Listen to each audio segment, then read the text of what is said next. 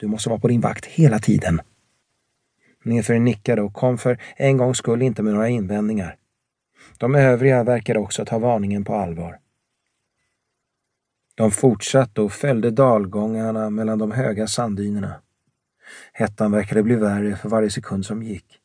Dynorna som reste sig på ömse sidor om dem skiftade i klara färger. Citrongula, guldgula, plommonfärgade, mörklila och hägerblå, rävröda och gulaktigt lejonbruna. På vissa ställen var de täckta av rimfrostgrå glimmerstrimmor eller eh, svarta mönster som fick det att se ut som om någon hällt ut sot från en oljelampa över dem. Himlen ovanför dem fick en skarpt mässingsgul färg. Allt såg förvrängt ut och det gick inte att bilda sig någon uppfattning om avstånden. Nefer kisade mot det obarmhärtigt skimrande ljuset. Den mässingsgula himlen verkade vara så nära att det kändes som om han skulle kunna röra vid den med piskspetsen. Samtidigt verkade Taitas vagn, som rullade bara 50 kubis framför honom, befinna sig ända borta vid den otydliga horisontlinjen. Solen brände mot ansiktet och kroppen. En oförklarlig rädsla tog Nefer i sitt grepp. Han hade ingen anledning att vara rädd, ändå kunde han inte skaka av sig känslan. När min taka skällde till och grep tag i armen han höll piskan med förstod han att hon kände likadant som om de var omgivna av något ont.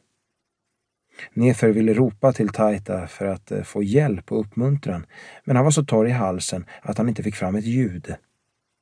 Plötsligt kände han att Mintaka stelnade till och grävde in fingrarna så hårt i hans överarmsmuskler att det gjorde ont.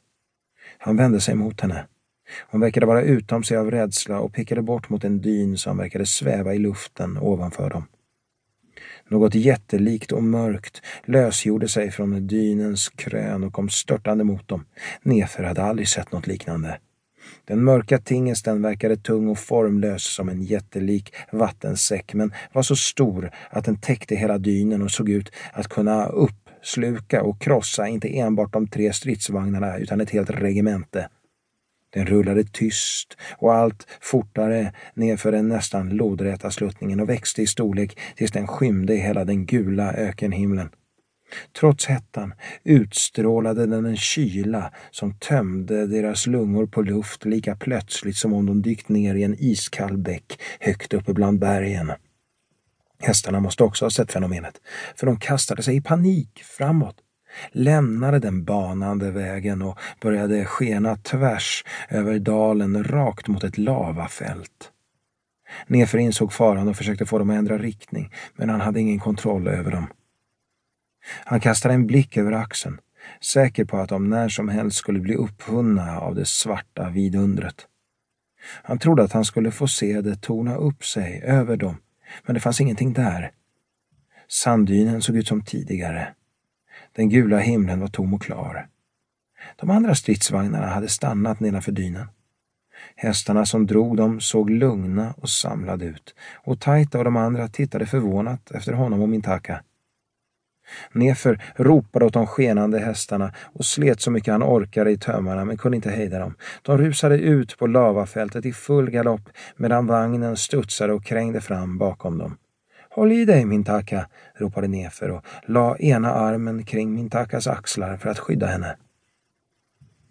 De svarta lavastenarna hade nötts ner och slipats av sanden och vinden tills de fått sällsamma former. En del var inte större än människohuvuden, andra var lika stora som vagnen.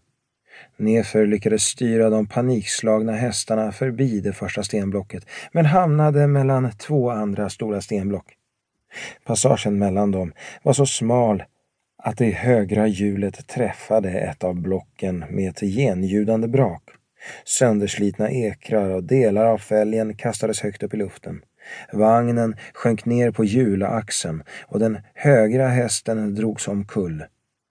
Nerför om Intaka slungades ur vagnen och var nära att kastas mot ett stenblock Nefer hade försökt skydda Mintaka genom att lägga armarna om henne när de föll och nu frågade han andlöst. Mår du bra? Har du gjort dig illa? Nej, svarade hon genast. Har du?